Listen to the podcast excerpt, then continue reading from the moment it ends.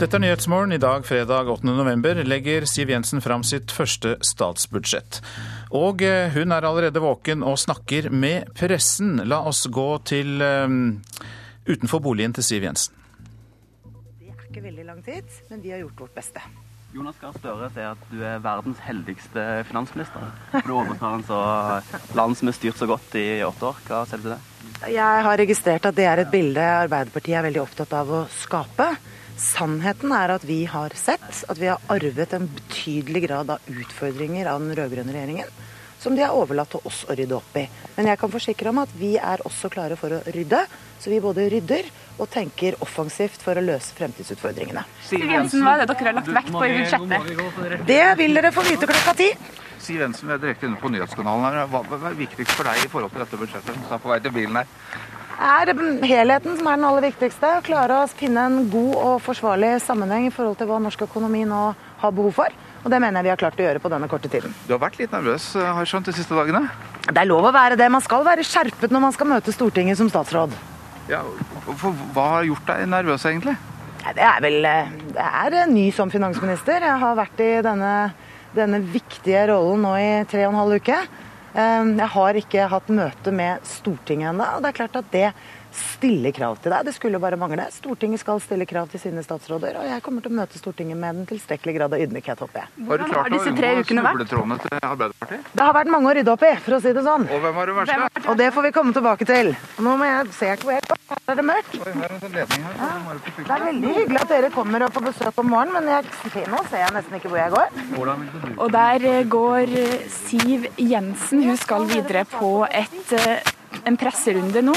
Og deretter så skal hun møte, møte i Stortinget klokka ti i dag.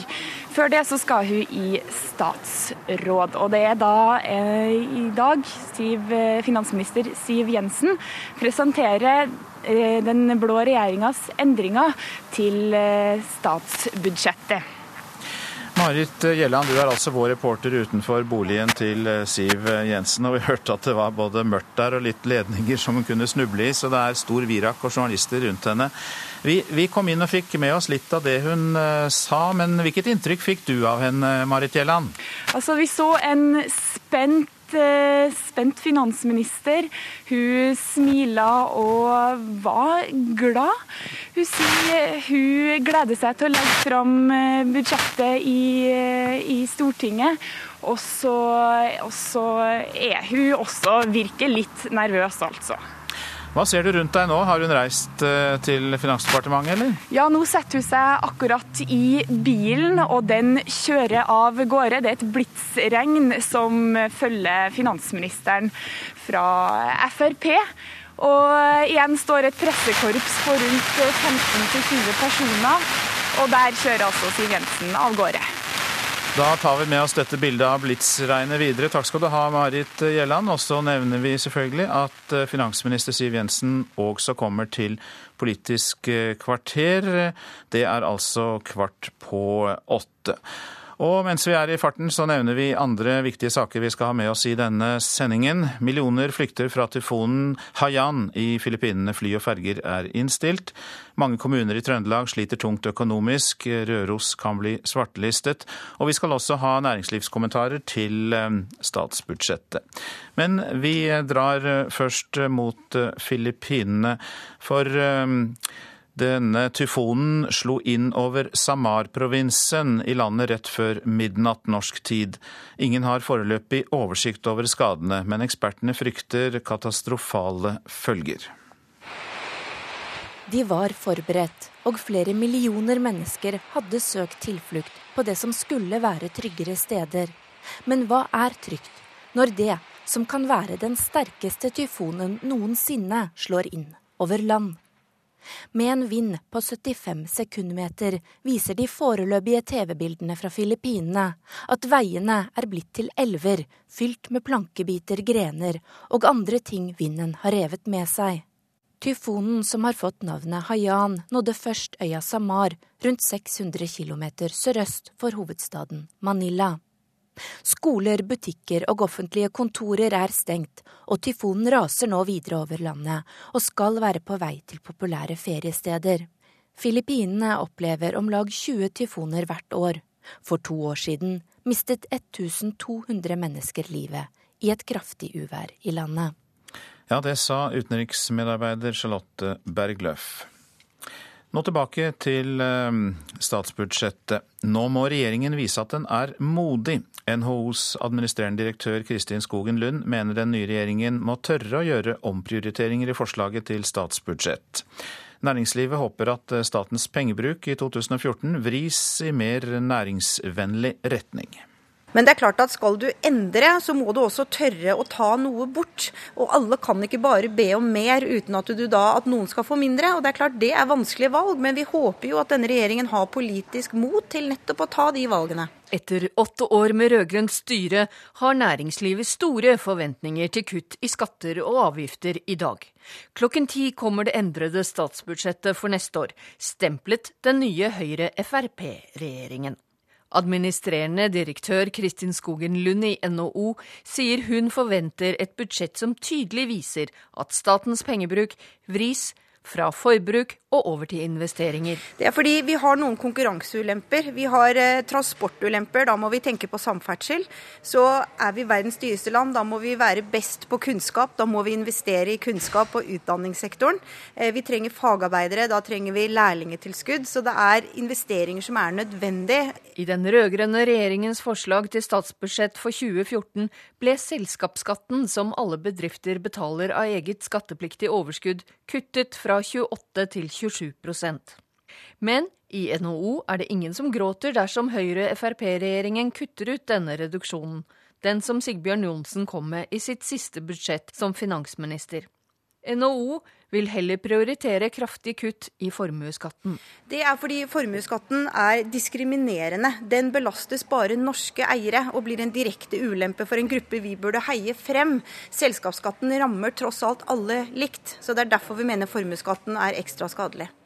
Og I tillegg så må den da betales uavhengig om du går over eller underskudd. Og det syns vi er helt feil. Administrerende direktør Lars Erik Sletner i Bedriftsforbundet mener at regjeringen allerede nå må komme med en troverdig plan for å fjerne næringslivets mest forhatte skatt. Og vi vil ha en forpliktende plan for fjerning av formuesskatten gjennom den kommende fireårsperioden. I tillegg håper NHO at regjeringen finner penger i budsjettet til å redusere arveavgiften, og helt fjerne den i løpet av et par år. Ja, Det er også viktig, fordi vi ønsker norske private eiere. Og da må vi gjøre det mulig for neste generasjon å ta over de bedriftene som de har arverett til. og Derfor så ønsker vi å fjerne arveavgiften, og det håper vi at regjeringen vil gjøre i løpet av et par år. Administrerende direktør i NHO, Kristin Skogen Lund til slutt der, og Hedvig Bjørgum og Johan Settem var reportere. Lokalavisene venter også i spenning. De frykter at de blå vil endre og redusere pressestøtten i statsbudsjettet, som altså legges fram i dag.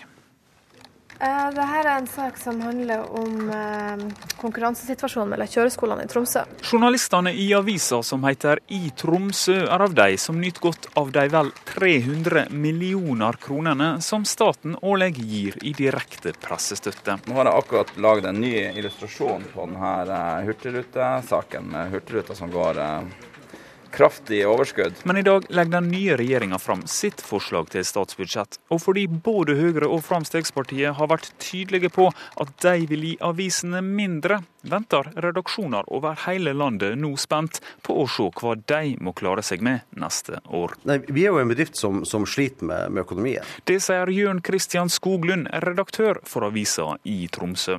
Vi mottar ni millioner pressestøtte. Det er klart at om vi mister en million eller to, eller tre, eller fire, så vil det være dramatisk i forhold til, til drifta vår. Så vi må da tenke helt annerledes i forhold til hva vi gjør. Høyre har sagt at de vil kutte pressestøtta med 100 millioner kroner. Frp med 180 millioner. Før valget beregna Kulturdepartementet at slike kutt ville bety at mellom 50 og 70 aviser kunne forsvinne. Nå avviser kulturminister Torhild Vidvei at avisene har grunn til å frykte en blå mediepolitikk. Det kan jeg ikke se. Det som er viktig fra denne regjeringen å fokusere på, det er til å ha fokus på innovasjon. Er det noe mediebedriftene nå trenger, så er det å få støtte på den nødvendige omstilling for å kunne møte de enorme utfordringene som de står overfor. Det er utrolig store endringer som skjer, og det er å gi Media-Norge eh, gode rammebetingelser, sånn at de har noe å jobbe ut ifra. Det er min viktigste oppgave. Støtta på 300 millioner er mye penger, men avisene sparer langt mer på at de slipper å betale moms på papirutgavene sine. Men også her er det nå endringer i vente. I stedet for full moms på nettaviser og null moms på papiraviser, arbeider regjeringa nå for at papir- og nettavisene skal betale en lik lav moms. Prinsippet om momsfritak på redaksjonelt samfunnsinnhold, det bør jo òg være digitalt. I en sofa en stad på Stortinget sitter Rune Hetland, generalsekretær i Landslaget for lokalaviser. Han er enig i at det nå er på tide å likebehandle nettaviser og papiraviser, men uenig i hva det egentlig bør bety. Hvis det blir en lavmoms, så vil det jo bli en i overskuelig fremtid vil jo det være en økt kostnad, fordi at de digitale inntektene er så små. Eh, og det vil de være ganske lenge. Enn så lenge er det lystig stemning i redaksjonslokalene til I Tromsø. Redaktør Jørn Christian Skoglund ser at det kommer til å bli store endringer, men han er opptatt av at de må innføres over tid. Uansett hvilken ordning man kommer fram til, eller hvordan den er skrudd sammen og hvordan den er prioritert, så er det viktig at man har gode overgangsordninger, sånn at de som er pressestøttemottakere i dag, tradisjonelle, eh, får en sjanse til å, til å klare å omstille seg inn mot den nye, den nye hverdagen. Reporter her, det var Sondre Bjørdal. To personer fikk røykskader og 37 ble evakuert da det begynte å brenne i en leilighet i Sofienberggata i Oslo i natt. Brannen startet i en leilighet i bygårdens første etasje ved totiden, og litt under en time senere var brannen slukket. Fire leiligheter er eh, ubeboelige etter brannen. Politiet vurderer å etterlyse kameraten til mannen som er siktet for å ha drept tre mennesker om bord på Valdresekspressen mandag. Kameraten ble sendt ut av landet bare noen timer før drapene skjedde. VG skriver at politiet tror eh, denne mannen, som politiet nå vurderer å etterlyse, kan kaste lys over motivet for det som skjedde, og eh, vurderer å foreta en etterlysning gjennom Interpol. Så til det avisene har på sine forsider. Vi klarer aldri å tilgi ham, sier barna til den drepte sjåføren på Valdresekspressen til VG. Hans sønn Andreas Nathaniel Dahl tror den siktede hadde bestemt seg for å skade da han gikk om bord i bussen med kniv. Blir sittende på Trandum i måneder og barn mangler foresatte, skriver Vårt Land. Advokatforeningen kritiserer behandlingen av utlendinger ved landets eneste lukkede forvaringssenter, der det blir brukt maktmidler som belter og isolat. Glade for gratis mat, skriver Fedrelandsvennen, som forteller om en russisk familie som får tildelt mat fra Frikirken i Kristiansand. Det er mat som har gått ut på dato, men som er fullt brukbar og samlet inn fra butikker av menigheten i byen og av Frelsesarmeen. Etter at sykehusene sluttet å omskjære nyfødte, vet ikke Statens helsetilsyn hvem som utfører inngrepene, skriver Aftenposten. 2000 gutter omskjæres årlig, og nå vil politikerne regulere praksisen. Arne Byrkjeflot mener LO sentralt vil knuse ham og fjerne ham som en brysom tillitsvalgt, skriver Klassekampen. LO-lederen i Trondheim beklager at han var utro med en yngre tillitsvalgt, men Byrkjeflot vil fortsette i sine verv. Det var spennende med en seilbåt, sier Stein Erik Hagen i en vitneforklaring. Hagen risikerer en skattesmell på 18 millioner kroner fordi skattemyndighetene mener han benyttet selskapet som kjøpte luksusyachten som et mellomledd for å finansiere egen luksus. Det skriver Dagens Næringsliv. Drepte, lemlestet og torturerte. Dagbladet skriver om norske nazivakter. Quislings Hird plaget og drepte jugoslaviske krigsfanger i Nord-Norge. Jeg har opplevd mye hets, det sier AUF-leder Eskil Pedersen til Dagsavisen. Han er eh, sjokkert over undersøkelsen som viser at hver sjette mann her i landet ville flyttet seg unna en homofil på bussen. Hver billett til Kunsttriennalen i Bergen blir sponset med mer enn 10 000 kroner, skriver Bergens Tidende. Kun 1200 personer kjøpte pass til Bergen Assembly. Tilsvarer en middag, skriver Adresseavisen om tilbudene fra trendy kaffebarer. Cappuccino, latte, mocca og frappuccino er navn som skjuler kaloribomber. Sukker i drikke tas hurtig opp i kroppen og blir lagret som fett, advarer ernæringsfysiolog. Det var litt av en melding å få med på en fredag.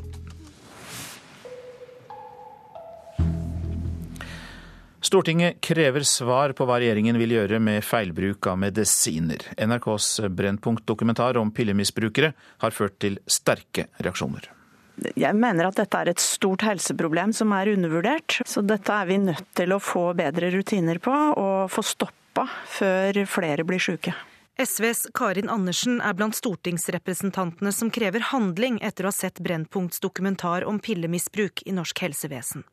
Nå har hun levert en såkalt interpellasjon i Stortinget, der hun krever at helseministeren tar tak i problemet. Bedre rutiner, bedre behandling og kunnskap er nødvendig, mener hun. Jeg har sagt at vi må ha kunnskap i hele utdanninga og behandlingstilbud spesielt retta mot disse menneskene. For det er ikke godt nok i dag? Det er ikke godt nok i dag. En kan jo se innimellom i apotekhverdagen at enkelte kanskje bruker litt mer beroligende midler enn de burde. Så det, det er et, et, kjent problem. Som farmasøyt kan Sveinung Stensland bekrefte at pillemisbruk er et økende fenomen. Og Samtidig så er det interessant når vi nå eh, er i dialog med forskjellige rusinstitusjoner, så er det jo flere som peker på at pillemisbruk er en større og større andel av de misbrukerne som de tar imot til behandling. Som representant i helsekomiteen for Høyre på Stortinget er han nå klar for å utfordre sitt eget partis helseminister. Vi kommer jo til å utfordre vår egen statsråd på, på at dette blir en del av legemiddelmeldingen. Hvilken utfordring kommer du til å komme med til Bent Høie? Jo, at, at, vi må se på alle sider ved bruk av legemidler. Debatten gjerne, går gjerne på dette med at nye legemidler må tas fortere i bruk. Gjerne noe fancy ny medisin som vi ikke får i Norge, som vi får i utlandet. Men gjerne vi må også bruke mer energi på helheten i legemiddelbruken i Norge, der dette er en del av terapien som av og til kan bli et problem for pasientene, og ikke en løsning for dem.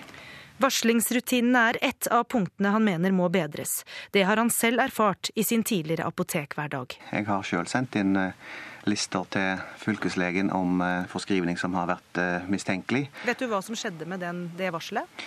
Nei, altså Det er gjerne en del av problemstillingen at det, det er ikke alltid det blir fulgt opp. Sånn at apotekene føler ikke at de de føler ikke at det hjelper så mye å varsle. Så det kan kanskje det bli en bedre dialog mellom fylkeslegen og apotekene når den type ting kommer inn. Litt av hvert å ta tak i når Stortinget skal behandle interpellasjonen. Og reporter her, det var Gry Blekastad Almås. Dette er Nyhetsmorgen, og klokka den går mot 6.48. Vi har disse hovedsakene. Tyfonen Haiyan traff de sentrale øyene i Filippinene i dag og tvang flere millioner mennesker til å søke tilflukt. Fly og ferger er innstilt. Siv Jensen legger fram sitt første budsjett i dag. Nå må regjeringen vise at den er modig, sier NHO, som forventer kutt i skatter og avgifter. Og hvorfor havnet de bak murene i ung alder? Vi snakker med innsatte i Troms fengsel snart her i Nyhetsmorgen. Men først eh, om Magnus mot eh, Visvanathan. I morgen spilles det første partiet i sjakk-VM mellom Magnus Carlsen og Visvanathan Anand i India. Men ikke alle her hjemme er like opptatt av de tre uker lange oppgjøret som skal sendes på TV. Kommer du til å se på sjakk-VM? Nei. Nei, det gjør jeg ikke. Ja, må se på litt da, på det, men ikke alt. Dette er tross alt et VM over så mange dager, og det, så spenningsmomentet ligger jo hele veien. Er han så god, Karlsen? Eller blir det spenning der borte i det landet? Jeg kommer nok til å følge med når han begynner å dra seg mot ja, liksom en remis nå som ligger i lufta, men det kan bli wow. Det, det er spennende. Ja. Ja, enkelte har nok faktisk tenkt å følge et VM folk flest i Norge ikke har hatt et forhold til tidligere. Magnus Carlsens aller første trener, Torbjørn Ringdal Hansen, han er skråsikker på at oppgjøret mellom Wonderboy Carlsen og heimehåpet Anand ikke vil gå hus forbi hos nordmenn flest. Alle vil følge med litt, det tror jeg. Og så er det den, veldig mange sjakkspillere som kommer til å følge med absolutt alt, tror jeg. At de kommer til å få problemer når de må velge mellom jobb eller følge med på sjakken. I en VM-kamp som varer over tre uker, er det vanskelig for alle å få med seg alt. Den som definitivt må få med seg hver minste detalj, er jo Carlsen sjøl. Og der blir det viktig å ikke snuble, tror en av de som skal følge mesterskapen fra skjermen. Det kan skje ting oppi skallen på under et slikt mesterskap, hvor masse presse, masse ting er rundt. Og da kan du få spadere også, og gå rett i, ja. Ja, hva kan man gå rett i?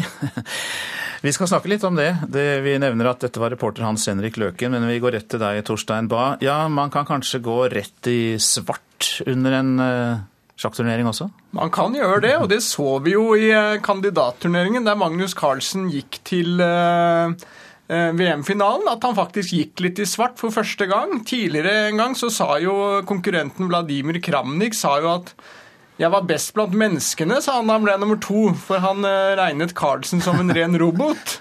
Men eh, så så vi jo dette da, at eh, Carlsen faktisk kollapset litt mot slutten, og det var jo virkelig på hengende hår at han kom seg til finalen her. Jeg glemte kanskje å si at du er ekspertkommentator for NRK under sjakk-VM, så vi kommer til å høre mer fra deg, og du kommer vel til å være en av de som skal se alt. Men eh, la, oss, la, oss, være mer innom dette mentale, for det er jo spennende. Altså, hvordan takler spillerne det mentale presset før første kamp? Nei, det er nok uh, her Anand har en stor fordel, som har vært i denne situasjonen veldig mange ganger før. Og uh, Magnus har vært selvfølgelig i uh, viktige kampsituasjoner. og det har handlet om å bli nummer én i verden på rankinglisten og sånt noe, men her har Anand definitivt forspranget akkurat på dette feltet. Og så er det kanskje noe mentalt spill, triksing mellom partene òg? Det så vi jo i går også, der Anand annonserer litt hvem som er hans medhjelpere, kanskje for å skremme Carlsen litt, få han litt ut av balanse før start. og her blir det jo litt som man også har sett i boksing, altså en tvekamp på en litt annen måte, der det gjelder å på en måte få inn litt stikk før og, og få motstanderen litt ut av fatning. Og så er det stor aldersforskjell. altså Carlsen er jo veldig, veldig ung. Mm, ja, Carlsen er jo bare 22, og uh, Anand 20 år eldre. Uh, og det gjør jo at Magnus har jo en veldig fordel på det fysiske her. Og uh, det bruker jo Magnus veldig ofte til å sette inn støtet etter fire, fem, seks timers spill.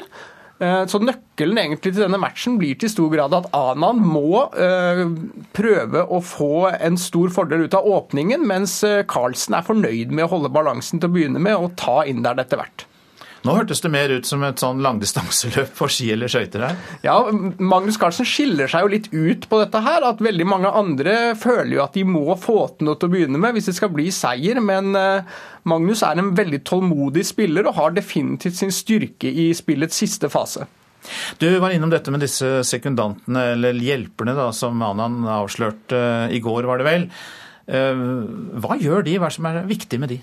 Nei, nå har disse Hjelperne har jo vært med i arbeidet nå i flere måneder, egentlig. og eh, Det gjelder da dels å avdekke svake punkter hos motstanderen. Eh, finne ut eh, hva er det man bør ta sikte på, hva slags stillingstyper. Og så gjelder det å velge åpninger. Dette med åpningen er jo veldig sentralt i moderne sjakk, der man har studert ting så grundig, altså 20-30 trekk inn i spillet. Og Hvis man klarer å finne nye trekk der som overrasker motstanderen, så kan det gi en avgjørende fordel.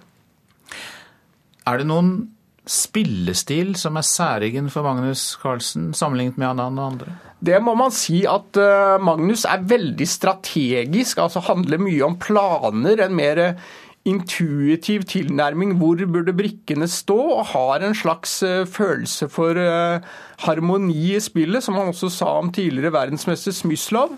Mens Anand er mye mer eh, taktisk, altså konkrete beregninger. Hvis den går der, så går den der, og kan holde på med det da veldig mange trekk framover. Beregne det nøyaktig. Så det er en helt klar forskjell i stil her. Jeg merket at jeg fikk lyst til å høre på deg og de andre i morgen, jeg, Torstein Bae. Ja, jeg håper det. Det begynner da 10.15 på NRK1 ja, i morgen. Takk for at du kom, vår ekspertkommentator under dette sjakk-VM. Hvordan er det å havne bak murene i ung alder? Det skal vi snakke om nå. Hvorfor er det så mange som eh, kommer tilbake til fengslene igjen og igjen av disse unge? I denne reportasjen skal vi møte to av dem i Tromsø fengsel. Jeg har vært sint hele mitt liv. Hun er 25 år og soner sin andre dom. Jeg sitter inne for vold. Eh, vold mot offentlig politimann og besittelse av narkotika. Første gangen var altså vold, men da var det vold mot en forsvarsløs person. Det var i desember i fjor. Og akkurat som mange andre kriminelle er hun tilbake i fengsel etter bare noen få måneder. Det er tungt. når Jeg har sittet her i 51 dager. Og det har føltes ut som fire måneder allerede. Så det er ganske kjedelig. La oss kalle henne Kristina. Hun sliter med angst, og livet bak murene er vanskelig. Hun har vært kriminell så lenge hun kan huske. Begynte å drikke da jeg var 14, så har det bare eskalert seg siden. Så etter hvert så bare gikk det over til narkotika. Gjennom hele oppveksten følte hun seg som en kasteball mellom forskjellige institusjoner. Hadde jeg blitt fanga opp tidligere, kanskje jeg ikke hadde sittet her i dag. Kanskje jeg hadde fått den sinnemestringa jeg hadde trengt, og kanskje jeg hadde fått den hjelpa jeg hadde trengt. Og ikke bare blitt dytta på et ungdomshjem og sagt 'her skal du være'. At de hadde satt seg ned, barnevernet, politi, psykologen, og prata om hvordan det her skal være. Om hvordan Og satt mest fokus på barnet, altså den som er kriminell. Fra og med neste år vil unge kriminelle få et nytt og bedre tilbud istedenfor fengsel. Ungdommene vil få tettere oppfølging og tilrettelagte tilbud. Men noen unge må fortsatt sone bak murene.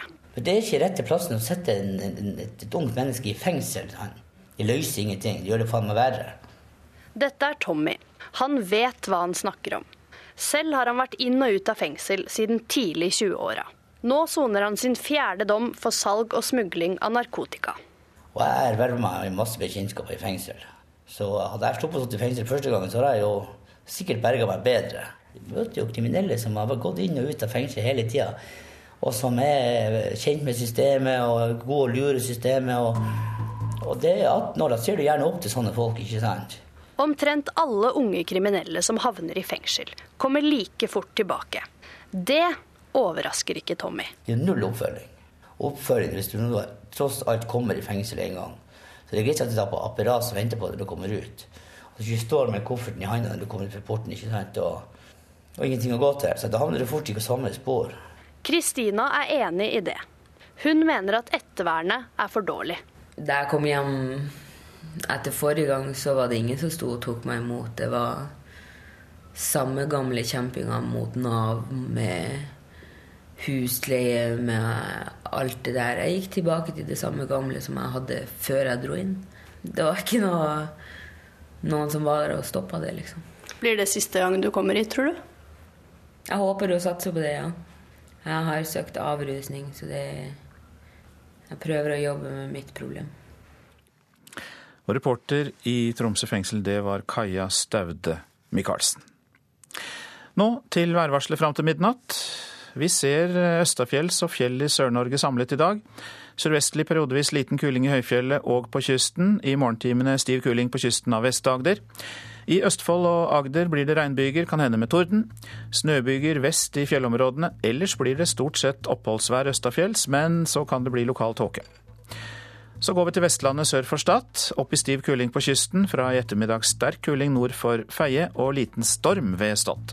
Regn og haglbyger blir det, kan hende med torden. Snøbyger i høyereliggende strøk. Møre og Romsdal og Trøndelag. På kysten sørvestlig liten til stiv kuling. I kveld sterk kuling sør for Halten. Det blir regnbyger utrygt for torden. I indre strøk bare enkelte byger, og så blir det snø over ca. 400 meter da. Nordland og Troms periodevis liten kuling i Nordland, litt regn på Helgeland og i Lofoten. Ellers opphold og perioder med pent vær. Finnmark liten kuling i utsatte kyst- og fjordstrøk i Øst-Finnmark. Enkelte snøbyger i vestlige kyststrøk, ellers oppholdsvær i Finnmark. Nordensjøland på Spitsbergen, der blir det oppholdsvær og til dels pent vær, faktisk. Så tar vi med oss noen temperaturer, da. Disse er målt klokka fire i natt. Svalbard lufthavn minus åtte. Kirkenes minus fire. Vardø pluss to. Alta minus tre. Tromsø-Langnes minus fire. Bodø pluss én grad. Brønnøysund pluss fem. Trondheim-Værnes null. Molde pluss to. Bergen-Flesland fem. Stavanger 6, Kristiansand-Kjevik 2, Gardermoen 0 grader. Lillehammer minus 2, Røros minus 8 Og Oslo-Blindern 0 grader. Og nå klokka sju får vi Dagsnytt, og deretter fortsetter vi med Nyhetsmorgen. Blant annet noen spekulasjoner om hva som kan komme i statsbudsjettet. Finansminister Siv Jensen innrømmer at hun er spent. I dag legger hun frem sitt aller første statsbudsjett. Økonomer ber regjeringen droppe skattekutt til de rikeste. Her er NRK Dagsnytt, klokka er sju. I dag legger finansminister Siv Jensen frem sine forslag til endringer til det statsbudsjettet den rød-grønne regjeringen la frem tidligere i høst. Og Jensen hadde dette å si til journalistene da hun dro hjemmefra for en halv time siden. God morgen, alle sammen. God morgen. Jeg gleder meg veldig til i dag. Regjeringen har jobbet hardt i veldig kort tid for å legge frem endringer, altså i tilleggsproposisjonen til budsjettet for neste år. Jeg håper at det blir tatt godt imot. Er du spent? Det er jo en Høyre-Frp-regjering som nå legger frem endringer i budsjettet. Det er klart at Når landet har fått en ny regjering, så får landet også ny politikk. Det er mange ting de to partiene lovet velgerne i valgkampen. Det er mange ting vi har vært klare på i Sundvolden-plattformen. Noe av det tar vi noen første skritt på i dag. Men jeg har jo lyst til å understreke at å spenne buen for høyt trenger dere ikke å gjøre. Vi har hatt veldig kort tid på oss, men på kort tid så har vi gjort det beste ut av situasjonen. Hvordan vil... Jeg har sovet som en stein. Og flere økonomer håper at regjeringen ikke legger frem skattekutt for de rikeste. Det er skatteletter for folk flest som kan få fart på en svekket norsk økonomi. Det sier sjefanalytiker Erik Bruse i Nordea Markets. Skatt som folk flest merker, det er det som, som vil ha effekt. Det mest effektive, hvis poenget var å få opp veksten i norsk økonomi, så, så er det å gi vanlige reduksjoner i inntektsskatt. De blå partiene har tidligere snakket varmt om kutt i formuesskatten og arveavgiften. Jeg tror det vil ha mye mindre effekt. Jeg tror både arveavgift og formuesskatt det, det, er ikke så effektivt hvis målet er å få opp farten i norsk økonomi. Sjeføkonom Jan Andreassen i Eika-gruppen er helt enig. Det er fare for at de skatteletter vi får, i hovedsak går til rike mennesker. Dette er mennesker som ikke bruker noe særlig mer penger, selv om de får mer i lomma. Det jeg tar til orde for, er mer rause skatteletter mot gjennomsnittsnordmannen, f.eks. ved å fjerne matmomsen. Reporter her, det var Sindre Heierdal. Edward Snowden brukte andres passord for å få tilgang til topphemmelige dokumenter. Snowden, som har avslørt USAs omfattende overvåking av data og telekommunikasjon, lurte til seg brukernavn og passord fra flere enn 20 kollegaer da han arbeidet ved NSAs operasjonssenter i Hawaii, skriver Aftenposten.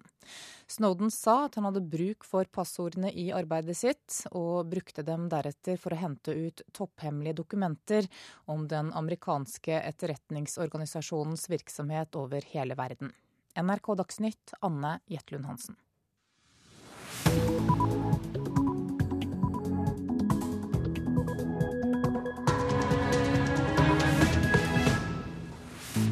Dette er Nyhetsmorgen.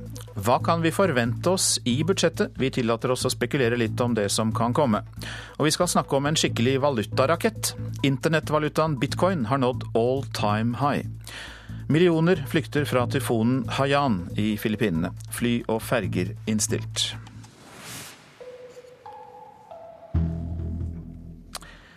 Det siste en svekket norsk økonomi trenger nå, er skattelette til de rike og få. Ja, det mener flere økonomer. Det er bare skattekutt til folk flest som raskt kan gi økt fart i økonomien, mener de. I dag legger den blå regjeringen fram sitt statsbudsjett. Formuesskatten må jo ned. Formuesskatten må ned, så det er greit. Ja, formuesskatt. Arveavgiften kunne godt ha vært redusert en del. Den er litt urettferdig. Da kunne vi tenke oss skattekutt på økologiske produkter. Inntektsskatt ned til 27% Under paraplyene på gater og torg i Erna Solbergs hjemby er meningene sterke om hvilke skattekutt Norge trenger nå. At folk med store tannlegeutgifter skulle få skattekutt. Vi trenger tennene våre. Om bergenserne blir bønnhørte, får vi vite når regjeringen legger fram det blå statsbudsjettet klokka ti i dag. Men ikke alle skattekutt er like populære blant landets økonomer. I alle fall ikke hvis kuttene skal gi flere hender i arbeid og mer gass i en litt slapp norsk økonomi. Skatt som folk flest merker, det er det som, som vil ha effekt. Det mest effektive, hvis poenget var å få opp veksten i norsk økonomi, så, så er det å gi vanlige reduksjoner i inntektsskatt. De blå partiene har tidligere snakket varmt om kutt i formuesskatten og arveavgiften. Men det er feil medisin nå, sier sjefanalytiker Erik Bruse i Nordea Markets. Jeg tror det vil ha mye mindre effekt. Jeg tror både arveavgift og formuesskatt det, det, er ikke så effektivt hvis målet er å få opp farten i norsk økonomi. Forskning utført av bl.a. SSB viser også at kutt i skattene på det vi tjener, gir ny økonomisk vekst. Formuesskatten har ikke samme effekt, sier sjeføkonom Jan Andreassen i Eika-gruppen. Det er fare for at de skatteletter vi får, i hovedsak går til rike mennesker, de som har støttet eh, regjeringspartiene. Dette er mennesker som ikke bruker noe særlig mer penger, selv om de får mer i lomma. Det jeg tar til orde for, er mer rause skatteletter mot gjennomsnittsnordmannen, f.eks. ved å fjerne matmomsen. Det ville alle ha glede av. Det ville ha størst glede blant de som bruker mest, nemlig barnefamilier. For flere økonomer er likevel det viktigste at regjeringen i dag ikke øker oljepengebruken mye. Økonomiprofessor Steinar Holden sier det slik. Hvis vi greier å holde oss eh, under 3 eh, eh, fremover, så, så, betyr det at vi vil ha rom for å øke bruken av oljepenger også om 10 år og, og 15-20 år.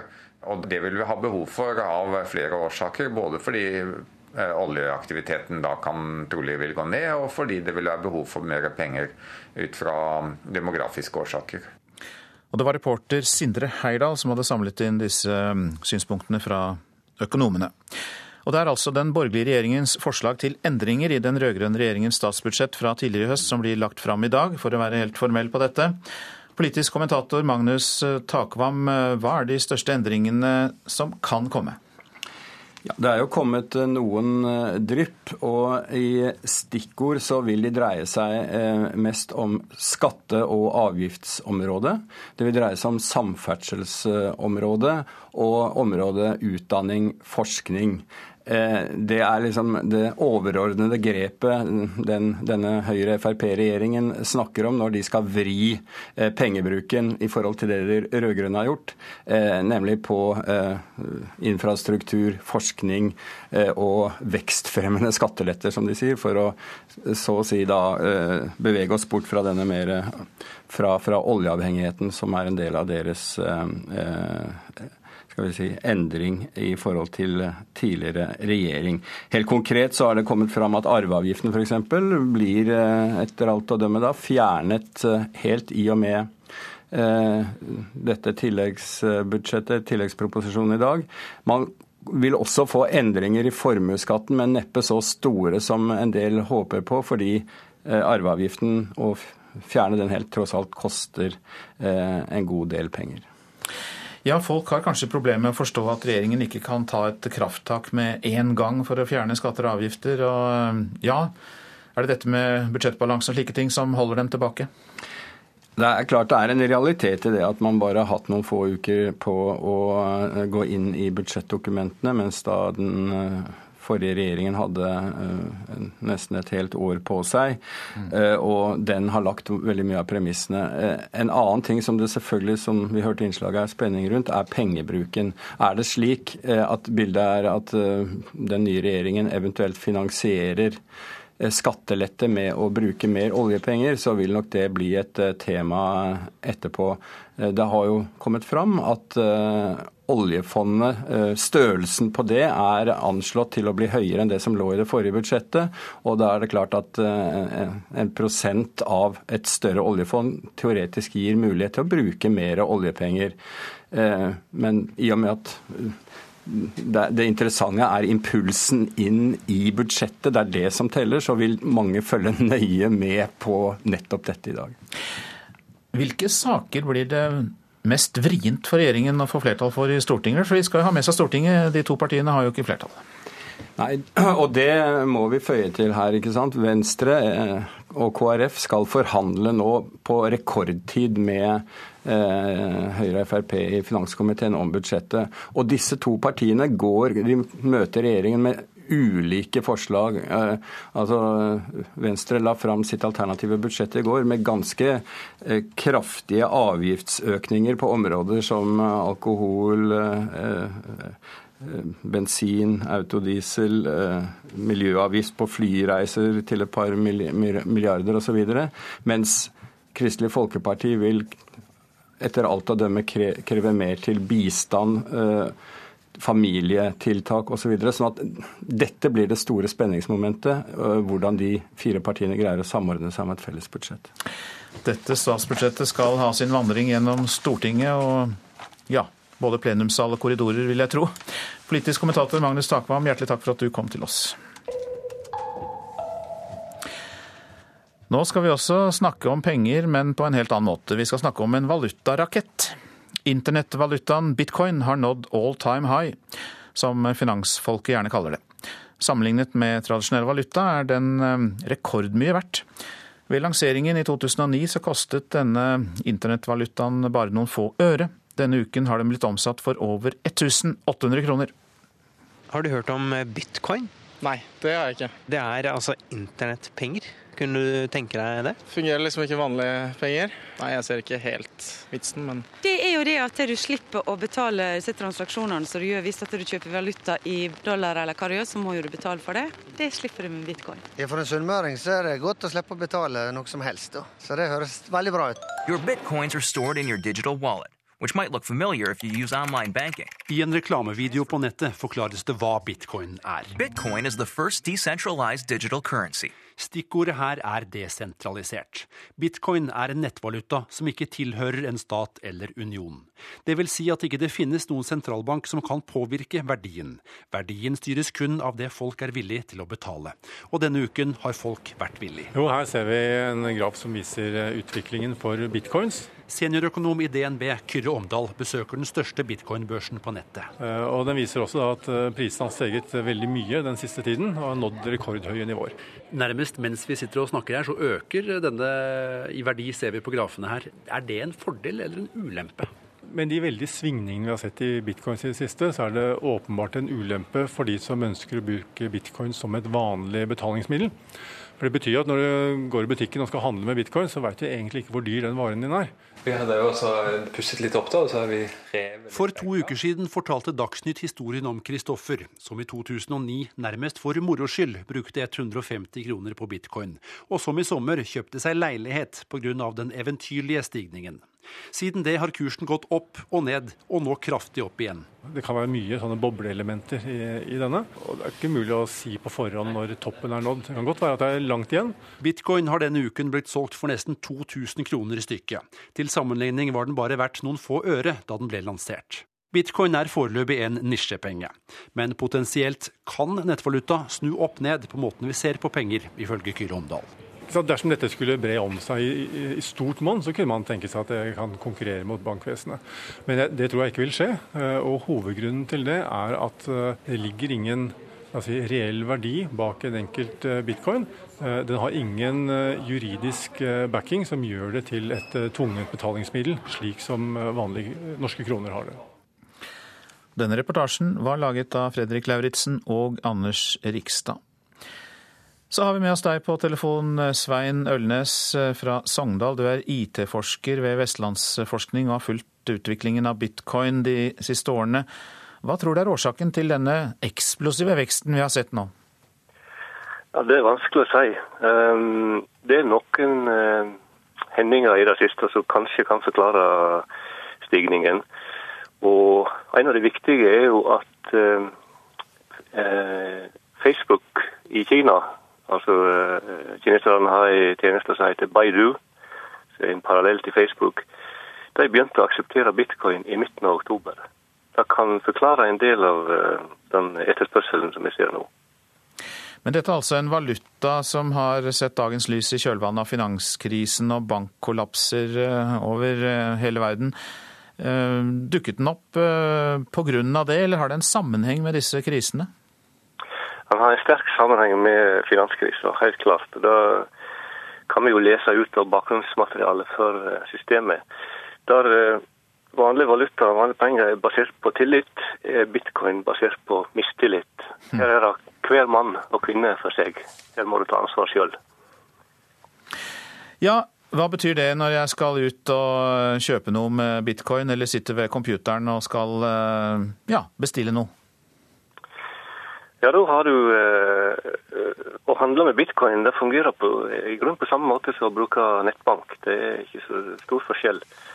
Men eh, ulikt eh, vanlig valuta, så har du ingen eh, sentral instans, ingen sentral bank eh, som du kan gå til hvis et land skjer. Her er du helt og fullt ansvarlig sjøl. Så hvis du mis, mister den digitale lommeboka di, så eh, er det gjort. Og det har skjedd i mange tilfeller på nettet.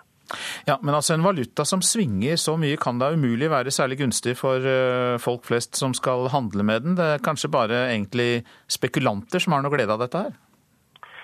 Ja, det er et problem. Det er et stort problem med store svingninger. Fordi eh, omsetningen av bitcoin, eller handel med bitcoin nå, den minner mer om eh, aksjehandel og aksjespekulasjon enn eh, valutatransaksjoner. Altså Penger bruker vi jo for å kjøpe ting, et betalingsmiddel. Og nå blir omsetningen av bitcoin mer som aksjehandel. Men er det noen fordeler med bitcoin, da? Ja, det er store fordeler med bitcoin. Jeg tror bitcoin viser vei til en eh, radikal endring i betalingen på internett. Det er overmodent.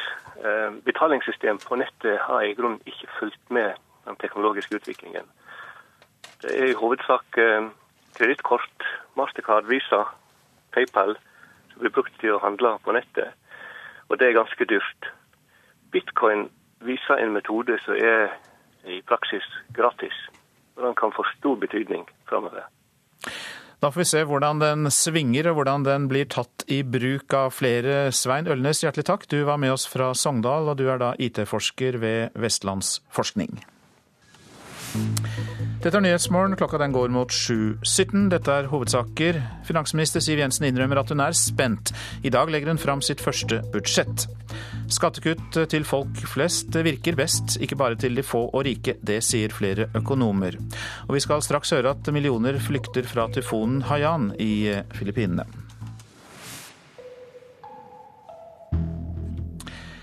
For eh, årets kraftigste tyfon har slått inn over Filippinene. Det er vindkast på opptil 75 meter i sekundet.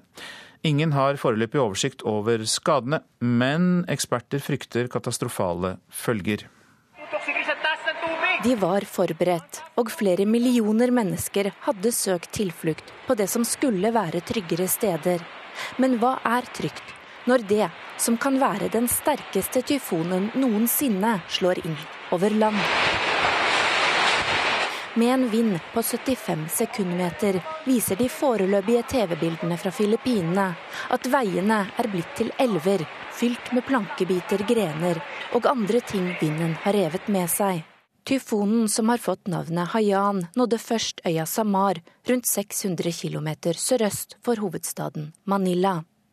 Skoler, butikker og offentlige kontorer er stengt, og tyfonen raser nå videre over landet og skal være på vei til populære feriesteder. En mann skal ha omkommet da han fikk en lyktestolpe over seg, og man frykter at flere har mistet livet i det kraftige uværet. Sykehusene er i alarmberedskap, i likhet med landets øvrige redningsetater. Men uværet gjør det vanskelig å ta seg frem i de rammede områdene, og strømmen har gått flere steder. Filippinene opplever om lag 20 tyfoner hvert år. For to år siden mistet 1200 mennesker livet i et kraftig uvær i landet. Det sa utenriksmedarbeider Charlotte Bergløff. Norge og USA vil dele på utgiftene til å administrere et internasjonalt nettverk for karbonfangst. Det ble klart under en internasjonal konferanse i Washington i går. Norske myndigheter håper også at flere amerikanske bedrifter vil benytte seg av teknologisenteret for karbonfangst på Mongstad. Norges nye regjering har tatt mål av seg til å ha et fullskala karbonfangstanlegg på plass innen 2020.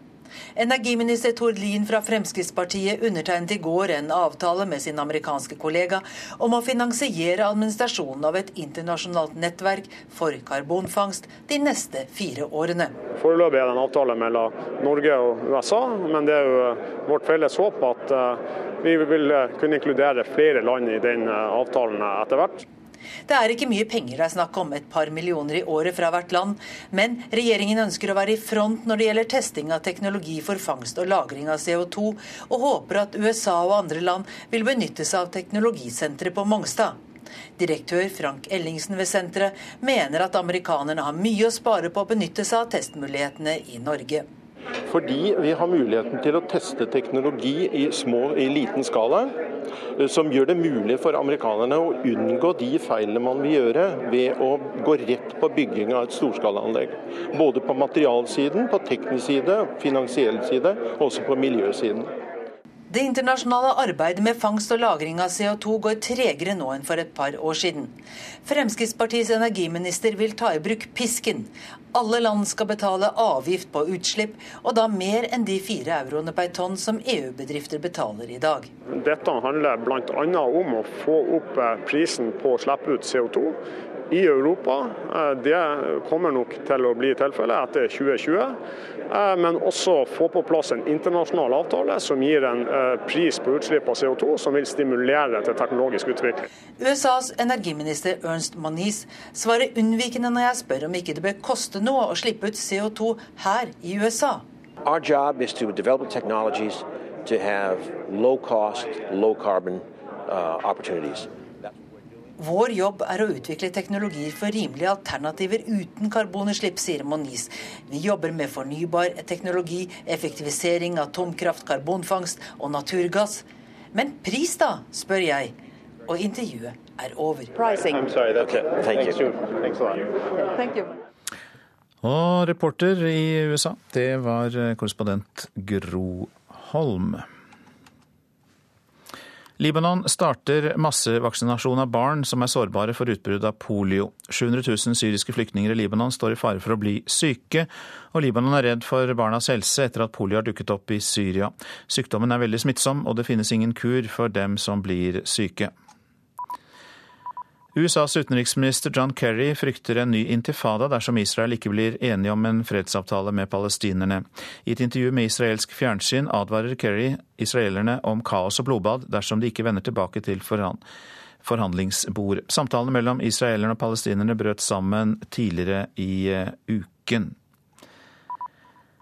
I Los Angeles er 50 personer arrestert etter å ha demonstrert utenfor butikkjeden Walmart med krav om bedre lønn for de ansatte. De fleste som deltok i den fredelige demonstrasjonen er fagforeningsmedlemmer, og ble arrestert da de nektet å fjerne seg. Albania bekrefter at USA har spurt dem om å ta imot og ødelegge kjemiske stridsemner fra Syria, men motstanden i befolkningen er stor. I går samlet demonstranter seg utenfor nasjonalforsamlingen i Tirana for å kreve at de folkevalgte sier nei til forespørselen. Så til avisene her hjemme. Vi klarer aldri å tilgi ham, sier barna til den drepte sjåføren på Valdresekspressen til VG. Hans sønn Andreas Nathaniel Dahl tror den siktede hadde bestemt seg for å skade da han gikk om bord i bussen med kniv. Blir sittende på Trandum i måneder og barn mangler foresatte, skriver Vårt Land. Advokatforeningen kritiserer behandlingen av utlendinger ved landets eneste lukkede forvaringssenter, der det blir brukt maktmidler som belter og isolat.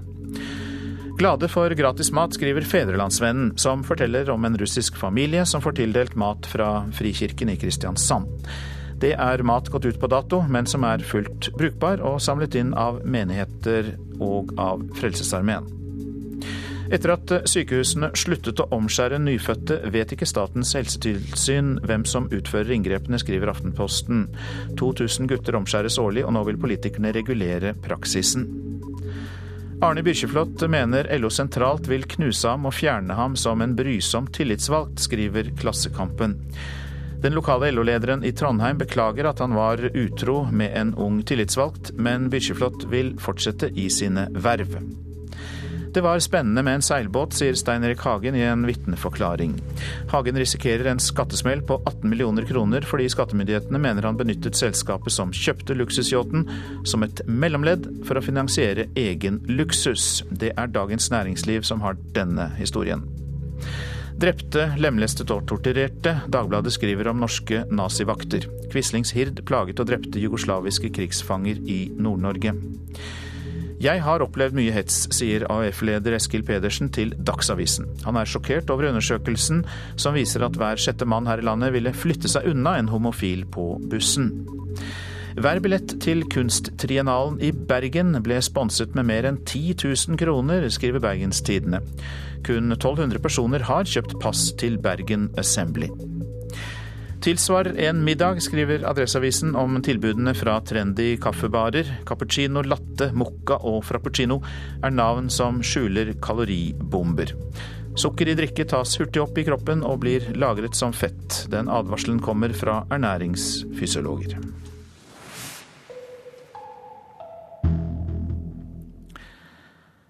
I dag skulle millioner av egyptere ha benket seg foran TV-skjermen for å følge satirikeren Basem Josef. Men det blir ikke noe av. Hans kommer ikke på lufta. Etter å ha blitt rekordpopulær ved å vitse med Mohammed Morsi, krysset han en grense ved å kjøre, gjøre det samme med hærsjefen og Egypts nye sterke mann. Ikke bare ble han upopulær hos myndighetene, men han ble det også i deler av det egyptiske folket.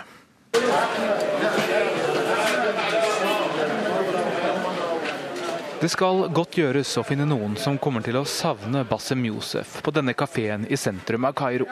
En mann gjør obskøne gester og later som han spytter når jeg sier jeg er kommet for å høre om hva de synes om komikeren. Mens Hassan Mohammed uttrykker seg mer polert.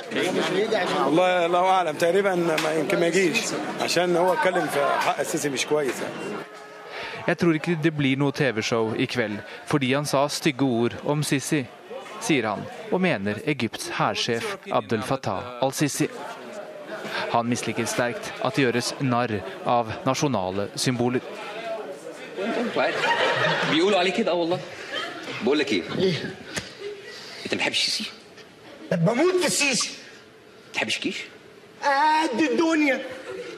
بتحب السيسي ولا الجيش؟ ايه؟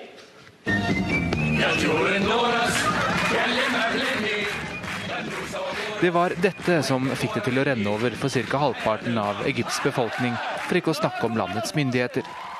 Den egyptiske TV-høstens høydepunkt skulle vært premieren på Bassem Josefs show El Barnameg. Det er et satireprogram der Josef vitser med ukas nyheter og hendelser, inspirert av John Stewart i USA. Han hadde ikke vært på lufta i tre måneder, men det gikk helt galt da han fortsatte der han slapp, nemlig å vitse om landets ledere.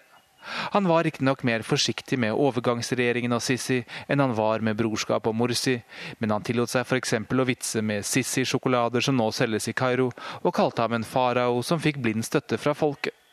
Og i en mer alvorlig tone sa han at på samme måte som han var redd for fascisme i religionens navn, var han redd for fascisme i nasjonalismens navn.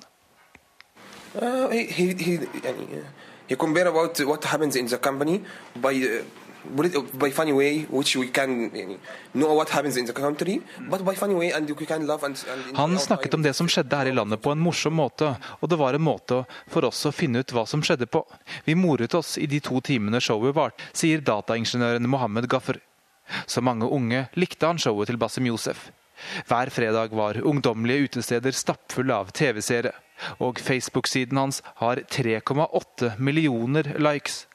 Bassem Youssef er en av Midtøstens største TV-stjerner, som det altså ikke er plass til i det nye Egypt. TV-kanalen hans CBC sa at han ikke passet med kanalens redaksjonelle retningslinjer, og Youssef befinner seg nå i Abu Dhabi i De forente arabiske emirater. Her i Egypt spekuleres det nå om en annen TV-kanal kan ta over programmet. CBC was responsible about what he's saying. I think that another uh, channel will, will post the program, but on the responsibility of uh, Bassem Youssef not on the channel itself. Do you think that will be dangerous for him? I think it will be dangerous, sure. En ny kanal vil kanskje sende programmet, men han må ta ansvaret for ytringene sine selv, og det kan bli farlig for ham, sier Gaffer, som mener grunnen til at programmet er tatt av luften, er at politiet nå er tilbake igjen i Egypt. Og om det er han i hvert fall enig med sine eldre landsmenn. Det hemmelige politiet har latt folket gjøre som de ville fram til nå. Det var ikke slik under Mubaraks dager, sier Hassan Mohammed. For noen er latter den farligste trussel. Midtøsten-korrespondent Sigurd Falkenberg Mikkelsen hadde laget denne reportasjen. Du lytter til Nyhetsmorgen. Han styrer med jernhånd, men han ble gjenvalgt. Vi skal snakke om den tidligere sovjetstaten Tadsjikistan etter Dagsnytt. Den blå regjeringens endringer i statsbudsjettet legges fram i dag. Finansminister Siv Jensen kommer til Politisk kvarter. Prosent for Nyhetsmorgen, Marit Selmer Nedrelid. Her i studio i dag, Øystein Heggen. Og så minner jeg om nettstedet radio.nrk.no, der du kan laste ned massevis av radioprogrammer og høre på alle NRKs kanaler, og til og med spole deg tre timer tilbake hvis det er noe du ikke har fått med deg.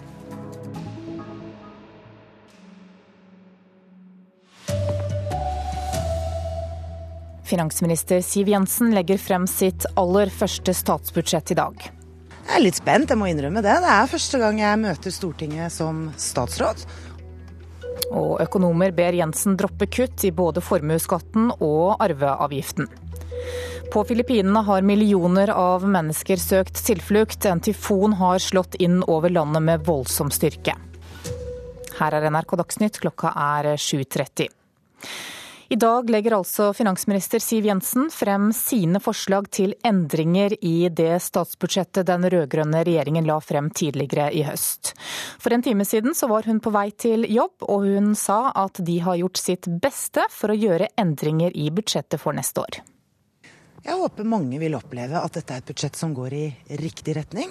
Du må huske på at nå har vi gått fra en rød-grønn regjering til en, til en, regjering som har helt andre ambisjoner, helt andre syn på hvordan vi kan skape mer vekst og verdiskaping i norsk økonomi. Sånn at her vil man se en annen måte å tenke på, og det er det belgierne har bedt om. Siv Jensen, Hvordan er det den blå regjeringa har prega budsjettet nå? Ja, Det vil dere få se når jeg legger det frem klokka ti. Det er et budsjett som er godt tilpasset de utfordringene norsk økonomi står overfor. Men hvor ny kurs har det vært mulig å legge frem på den korte tiden? Som vi har sagt alle sammen siden vi tiltrådte. Vi har hatt meget kort tid på oss. I realiteten så har vi egentlig bare hatt en uke på å gjøre de faktiske endringene.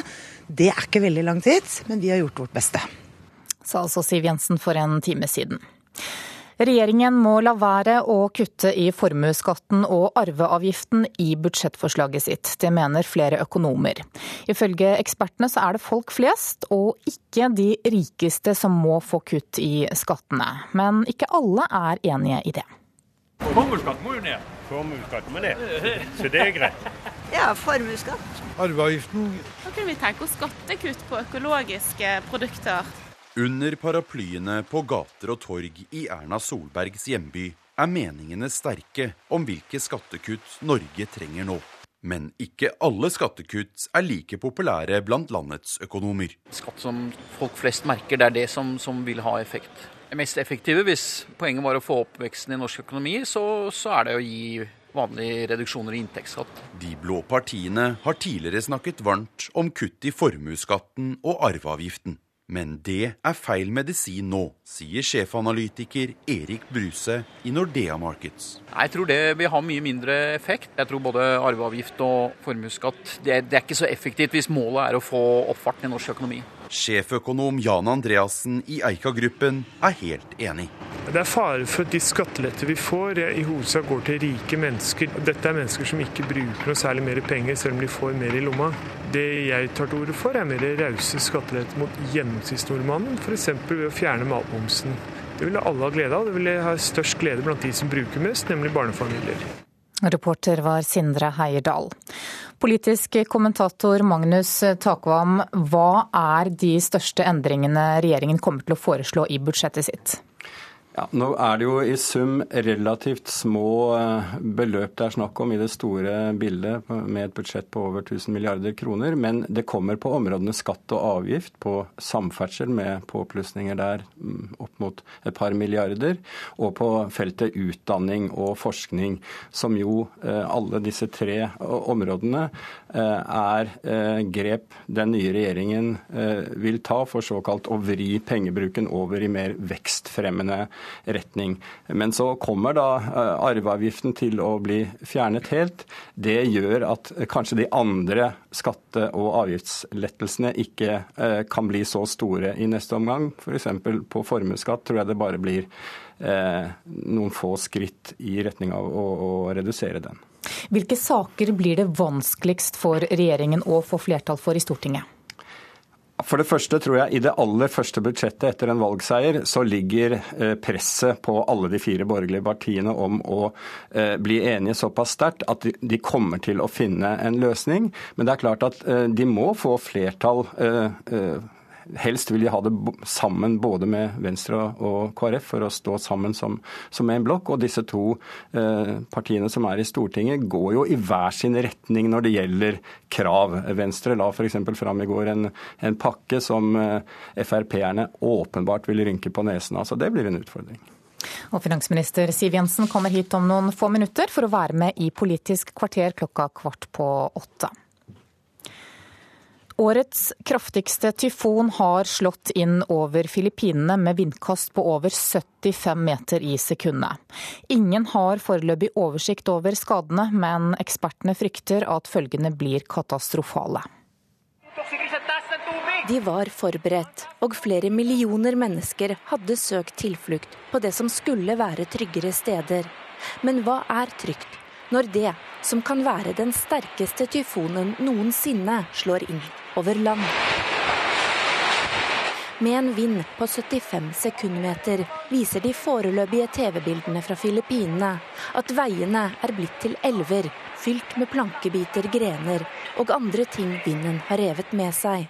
Tyfonen som har fått navnet Haiyan, nådde først øya Samar, rundt 600 km sørøst for hovedstaden Manila. Skoler, butikker og offentlige kontorer er stengt, og tyfonen raser nå videre over landet og skal være på vei til populære feriesteder. En mann skal ha omkommet da han fikk en lyktestolpe over seg, og man frykter at flere har mistet livet i det kraftige uværet. Sykehusene er i alarmberedskap, i likhet med landets øvrige redningsetater.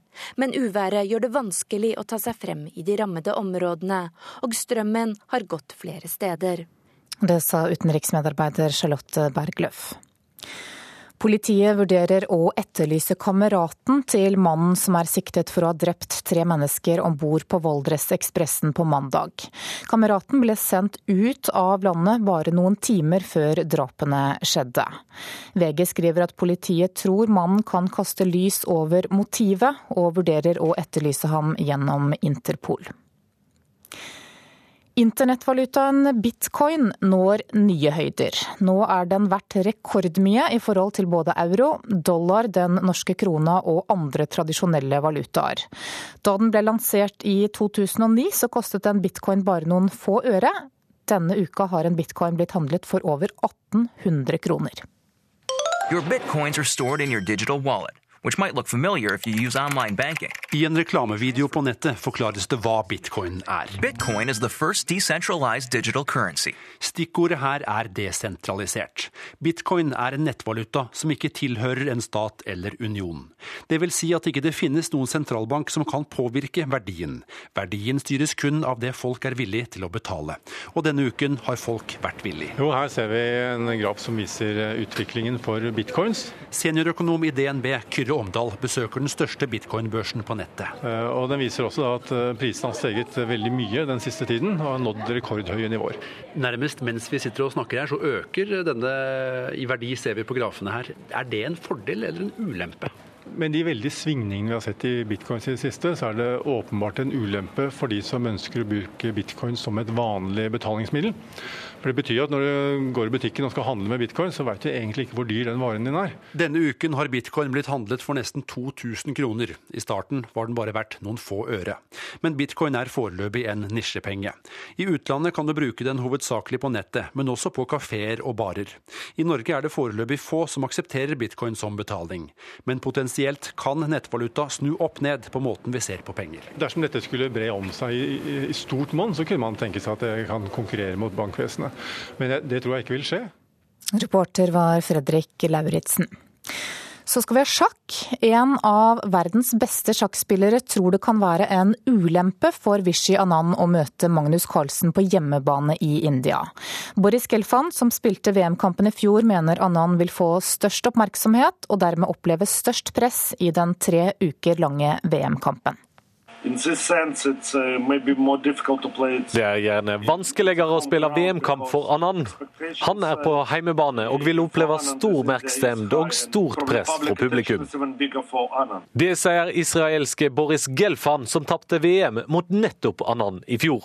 Han spår en jevn batalje mellom Magnus Carlsen og Vishy Anand, for Gelfand ser også at sistnevnte har fordeler som kan gjøre at Carlsen må se seg slått til slutt.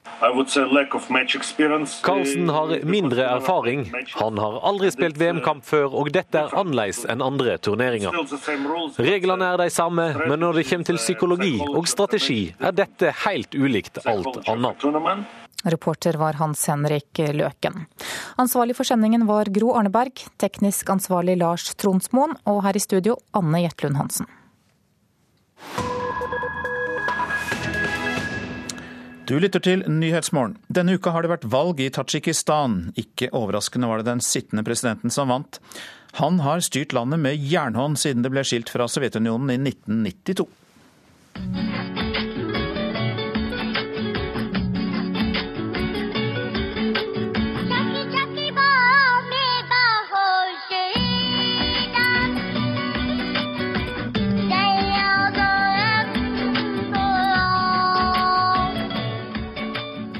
Jeg våknet opp trist i dag.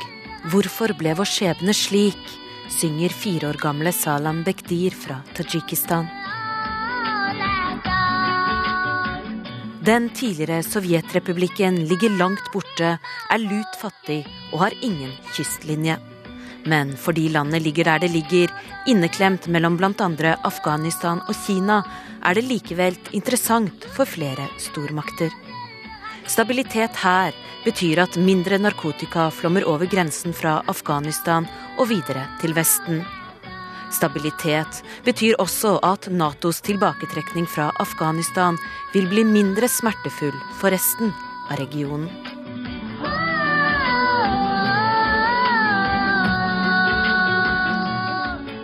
President Emomali Rahmon har styrt landet med jernhånd siden Sovjetunionens fall. Denne uka ble han valgt igjen. محترم امامعلی رحمان نامزد از حزب خلقی دموکراتی تاجیکستان اتفاق جوانان تاجیکستان Men det var et valg uten reelle valgmuligheter, ifølge internasjonale observatører. De har aldri godkjent et eneste valg i den lille republikken. Da Rahman selv ble intervjuet av Euronews for halvannet år siden, forklarte han at det ikke er bare bare å få til et demokrati heller.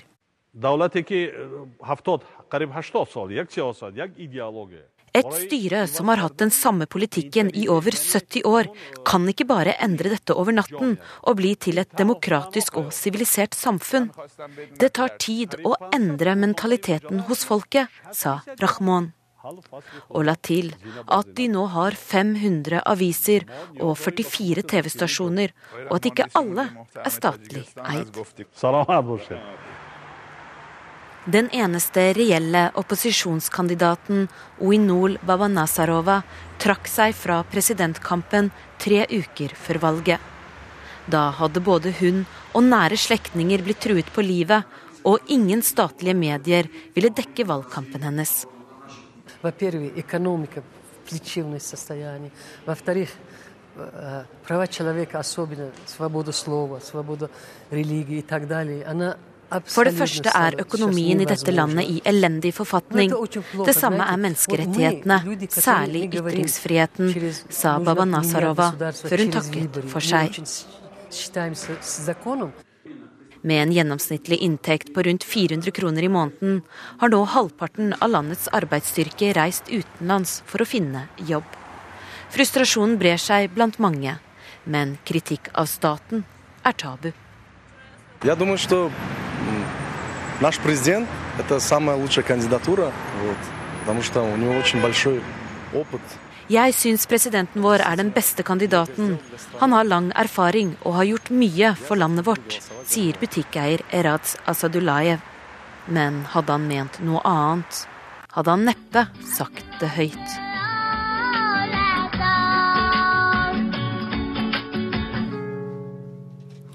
Utenriksmedarbeider Guri Nordstrøm hadde laget denne reportasjen. Dette er Nyhetsmorgen, og dette er noen av våre hovedsaker. Regjeringen legger fram sine endringer i statsbudsjettet i dag. Skattekutt til folk flest virker gir raskest økonomisk vekst, ikke bare skattekutt til de få rike, sier økonomer. På Filippinene har millioner av mennesker søkt tilflukt. En tyfon har slått inn over landet med voldsom styrke. Og nå er det klart for Politisk kvarter, og i dag handler det selvfølgelig om budsjettet. Alf Hartken. Det gjør det. Om to timer, eller drøyt det, skal finansminister Siv Jensen legge fram det som blir det egentlige statsbudsjettet, velger vi å kalle det. Hun er selvfølgelig her i Politisk kvarter, og hit kommer også de som skal sørge for at hun får stortingsflertallet med seg på budsjettet.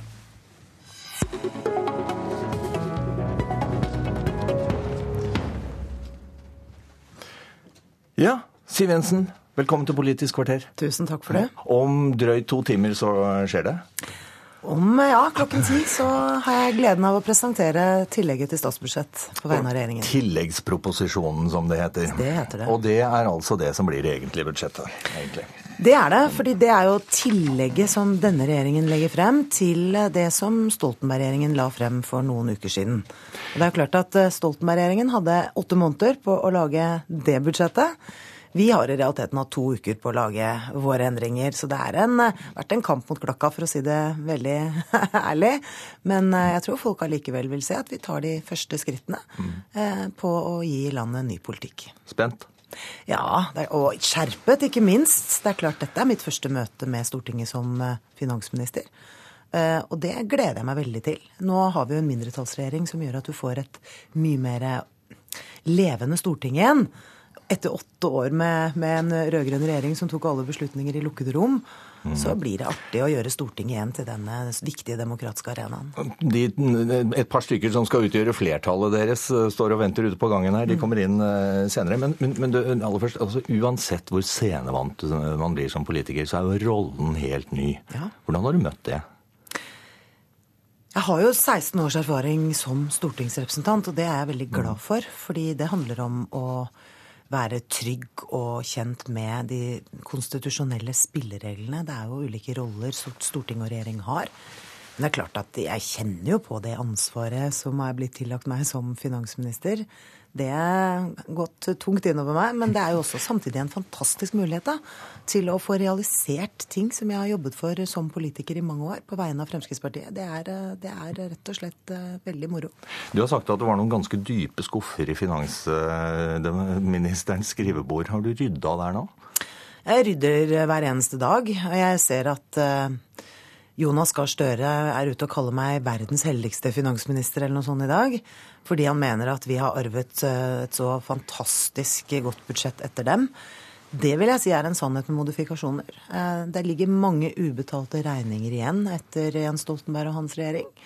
Og i tillegg har de skjøvet store oppgaver foran seg som denne regjeringen nå har arvet. Og en av de tingene som vi nå ser i det daglige debatt hele tiden, er jo eh, de store restansene på asylområdet. Det er mange mennesker som har fått opphold i Norge, men som nå sitter i mottak og venter på å bli utplassert i en kommune. Og det er mange mennesker som har fått avslag, som ikke har lovlig opphold i Norge, som venter på å bli uttransportert. Det koster penger, og den forrige regjeringen tok ikke den oppgaven alvorlig. Og der ligger det 150 millioner i tillegg, som, eh, som vi ble kjent med Ja, Vi har i hvert fall styrket den delen av budsjettet, for det er viktig å gi politiet armslag, sånn at de kan gjøre denne jobben raskere og mer effektivt. Hva er du mest fornøyd med av det du kan legge fram i dag? Ja, nå ber du meg om å komme med budsjettlekkasjer. Det kommer jeg ikke til å gjøre. Jeg er fornøyd med retningen dette budsjettet tar. Det viser veldig tydelig at landet har fått en ny regjering som fører ny politikk. Og det er hele poenget med et skifte. Det er at vi får eh, gradvis realisert de løftene som Høyre og Fremskrittspartiet har gitt gjennom Sundvolden-plattformen. Men dere må jo innfri noe nå? Ja, selvsagt må vi innfri noe nå. Mm. Eh, og det er jo derfor jeg sier at vi tar nå de første skrittene gjennom tilleggsproposisjonen til statsbudsjettet. Men vi har jo sagt hele tiden eh, at eh, å tro at vi klarer å gjennomføre hele Sundvolden-plattformen på to uker, nei, det klarer vi ikke. Mm. Men vi har kommet noen skritt i riktig retning. Men du, du sier også, som, som enhver finansminister sier, at dette er et budsjett tilpasset norsk økonomi. Hvordan ser norsk økonomi ut fra det Finansdepartementet? Norsk økonomi har står seg godt sammenlignet med verden omkring oss. Der er det mm. betydelig mer uro. Eh, våre viktigste handelspartnere har slitt lenge. Har mye, mye høyere arbeidsledighet enn det vi har her i Norge. Så alt i alt så ser prognosene for norsk økonomi eh, helt eh, kurante ut. Men vi har noen utfordringer, bl.a. fordi produktiviteten i mm. norsk økonomi har falt de siste åtte årene. Eh, vi har svekket konkurransekraft, og da særlig for den delen av næringslivet som ikke er knyttet opp mot olje- og gassektoren. Eh, vi har eh, hatt veldig høy vekst i boligprisene gjennom veldig mange år, som også har ført til at veldig mange husholdninger har mye gjeld.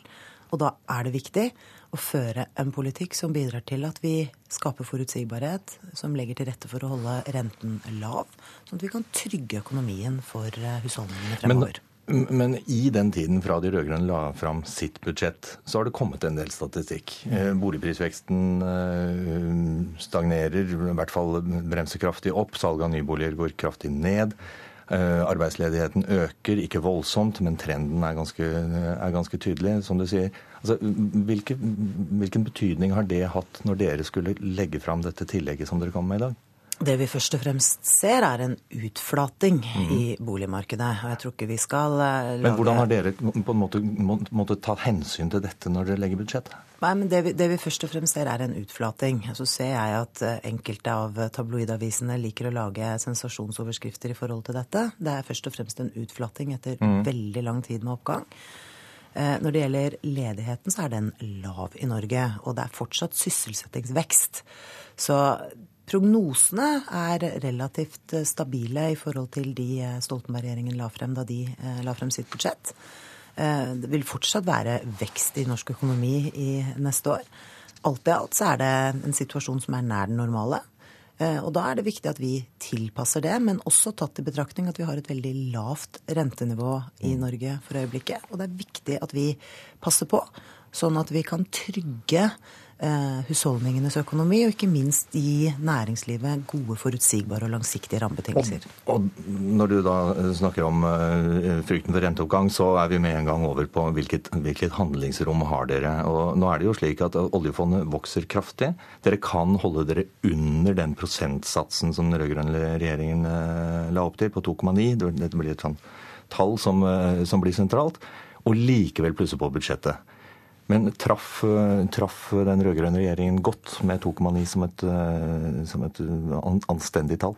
Jeg kommer jo ikke til å her og nå avsløre hva slags oljepengebruk vi legger opp til i Nei, det regner jeg for så vidt ikke med, men Men det er jo et veldig dårlig mål på hvordan og hvor mye oljepenger vi bruker, basert på oljefondets eh, ukentlige eller månedlige utvikling. Mm. Oljefondet kan vokse kraftig i perioder, og det kan eh, gjøre det mindre bra i andre perioder. Det er ikke det som er utgangspunktet når vi vurderer hvor, hvordan og på hvilken måte vi bruker oljepenger i norsk økonomi. Det må være godt tilpasset det norsk økonomi tåler. Og så handler det ikke bare om det. Det handler om hvordan vi bruker pengene. Og nettopp det, eh, Siv Jensen. Kommer vi til å se en endring der når du legger fram tilleggsproposisjonen? For dette har dere snakket mye om, at man bruker penger annerledes, ikke bare mer eller mindre. Det jeg i hvert fall kan si, er at den, det Høyre-Frp-regjeringen er opptatt av, er å legge fram eh, endringer som bidrar til vekst og verdiskaping i norsk økonomi. Takk skal du ha, finansminister Siv Jensen. Du farter videre til andre studioer, men du blir nå flankert av To kjekke herrer. To kjekke herrer. Skal vi si Siv og de gode hjelperne? Jeg håper det. Håper det. det betyr jo at Siv er Askeladden, det, da? Eller? Så Hans Olav Syversen fra KrF, du er leder i finanskomiteen. Velkommen til deg også, Terje Breivik, finanspolitisk talsmann for eh, Venstre. Eh, KrF har ikke lagt fram noe eget budsjett, men dere har varslet at dere kommer med noen klare krav til finansministeren. Hvilke da, veldig kort fortalt? Ja, nå skal vi ha landsstyremøte både i dag og i morgen. Og så får vi jo da eh, budsjettet fra den nye regjeringen i dag. Så i morgen kommer vi med våre prioriteringer. Men vil de prioriteringene da være påvirket av det som legges fram? Tilpasser dere Vi har jo drøftet eh, dette i gruppa, men det kan jo også bli påvirket av det som kommer i dag. Men det er jo ingen tvil om at vi ser for oss en ny kurs i familiepolitikken. Vi ønsker et grønt skatteskifte. Vi ønsker at vi skal kunne tilby våre eldre en mer verdig eldreomsorg. Så vi har mange ting vi ønsker å få gjort i dette budsjettet. Og heldigvis er det jo slik at mye av dette er jo nedfelt i en felles politisk avtale mellom alle fire partiene. Så vi har jo forventninger nå om at eh, når Siv Jensen går på Stortingets talerstol eh, om et par timer, så kan vi gjenkjenne eh, også noe av det vi var enige om i denne erklæringen. Terje Breivik, du er nestleder i Venstre og finanspolitisk talsmann. Dere har like godt lagt fram et alternativt budsjett, dere. Ja, så da, da, vet vi for så vidt hva dere, hva dere krever av, av, denne tilleggsproposisjonen som legges fram i dag. Ja, da, Kort fortalt, hva er det? Vi presenterte Venstre sitt alternative budsjett i år og har vært gjennom en ganske hektisk og men, men svært god eh, prosess på indre bane for å og har lagt, egentlig lagt alle kort på bordet nå i våre prioriteringer. Eh, og de hovedsatsingene vi, er mest opptatt av, som òg virkelig prioriterer de store pengene på i, i, i budsjettforslaget som, eh, vi har lagt fram, det er eh, todelingen av norsk økonomi. Økt satsing på skole, kunnskap, forskning, selvsagt. Mm. Forsterka miljø- og klimainnsats. Færre fattige barnefamilier. Og som Hans Olav og KrF sier, et reelt grønt skatteskifte. Men dere sitter altså nå og har samarbeidsavtalen i bunn. Eh, vi kjenner regjeringsplattformen, og nå kommer altså budsjettet. Er ikke dere to i realiteten helt nødt til å bli enige med regjeringen, og dere to er helt nødt til å bli enige med hverandre? Er det noen annen tenkelig løsning på, på dette? Vi har jo en gjensidig forpliktelse, vil jeg si, både KrF og Venstre, som nå sitter i Stortinget med en nøkkelrolle, og regjeringspartiene. Eh, men eh, jeg har i hvert fall, og det tror jeg vi er enige om, eh, vi har en klar målsetting om at dette budsjettet skal vi stå sammen om. Mm. Og at det blir et budsjett til landets beste ja, om noen dager. Fin ambisjon, det. Men er det, er det tenkelig med noe annet utfall, egentlig? Eh, det er klart, teoretisk er det jo det, men, ja. men, for alle praktiske formål så ville det vel være svært overraskende om ikke de fire partiene blir enige om dette budsjettet. Hva slags forhandlingsposisjon har dere da, når dere skal begynne å forhandle med regjeringen? Oh, nei, vi, har, vi, har, en sterk forhandlingsposisjon. Husk på dette er jo bare det første, første budsjettet i det som forhåpentligvis skal være et langt, langt liv med, med stort borgerlig flertall. Sant? Og allerede, allerede til, til våren kommer revidert. og så kommer jo det første komplette, fullstendige statsbudsjettet om, om et lite år igjen. Så det er klart, her, her fanger jo bordet like mye for regjeringspartiene som det gjør for, for, Venstre og KrF. Og jeg må jo si som representant for, for Norges eldste parti og det partiet som innførte parlamentarismen, at uh, Siv Jensen som finansminister har jo starta veldig godt nå på morgenkvisten. Og senest nå i Politisk kvarter, hvor hun virkelig understreker at hun hun er både spent, men ikke minst audmjuk i møte med Stortinget. og Sånn, sånn bør det være i et, eh, i et demokrati hvor, hvor, hvor også finansministeren eh, har den, har den audmjukdommen som, som, seg hører og bør for, for den folkevalgte forsamlingen. Dere har sittet nå i eh, høringer i finanskomiteen i uka som har gått, og møtt uh, drøyt 70 store og små organisasjoner i næringslivet. Hvilket bilde har de tegnet av norsk økonomi og, som eventuelt ser annerledes ut enn det vi trodde fra før? Ja, jeg vil vel si at inntrykket er at uh, pilene ikke er så uh, optimistiske uh, som regjeringen Stoltenberg la til grunn i sitt forslag til statsbudsjett. Det er klare tegn til avmatning i norsk økonomi. Ledighetstallene er økende. Vi har hatt mange måneder nå på rad med økning i arbeidsledigheten. Og vi har klare signaler fra næringslivet om at eh, eksportnæringene har klare utfordringer. Så jeg vil nok si at bildet er litt annerledes enn da Stoltenberg-regjeringen la fram sitt budsjett. Men, men, summen er at fortsatt er jo norsk økonomi i, i mm god eh, form. Men gir dette mulighet altså, er dette da, eh, Betyr det at det bør legges mer penger inn i budsjettet? Jeg vil i hvert fall ikke, jeg vil i hvert fall ikke utelukke at det kan være mulig, fordi det ikke vil skape noe press i norsk økonomi gitt de signalene bl.a. Som vi har fått fra, fra ulike næringshold. Breivik, Venstre i deres, eh, det som dere kaller det foreløpige alternative budsjettet. det, det skulle vel tilsi at det ligger forhandlingsrom i dette her. Men altså, dere har lagt dere på 2,9% som eh, de rød-grønne. Betyr det at Stoltenberg traff blink, da? Ja, vi mener, vi mener at Stoltenberg traff sånn noenlunde blink, og i alle fall ikke brukte for lite, for lite oljepenger. Og I den grad det kommer noe mer bruk av, av, oljepenger i det som blir presentert nå av finansministeren om, om to timer, så vil vi være, være kritisk avventende til det. Og det vil være veldig avhengig av hva de pengene i så fall, så fall blir brukt til. Igjen tilbake til hvordan pengene brukes, og ikke bare hvor mye som brukes. Vi må si takk til dere to, eh, Terje Breivik og Hans Olav Syversen. Det er det vi rekker i dagens utgave av Politisk kvarter. Klokka ti legges altså budsjettendringene fram. Og mandag morgen så skal dere ha dere første møte med regjeringen for å forhandle om dette budsjettet. Nå fortsetter Nyhetsmorgen med Kulturnytt etter en nyhetsoppdatering. Jeg heter Alf Hartken, og det var Politisk kvarter.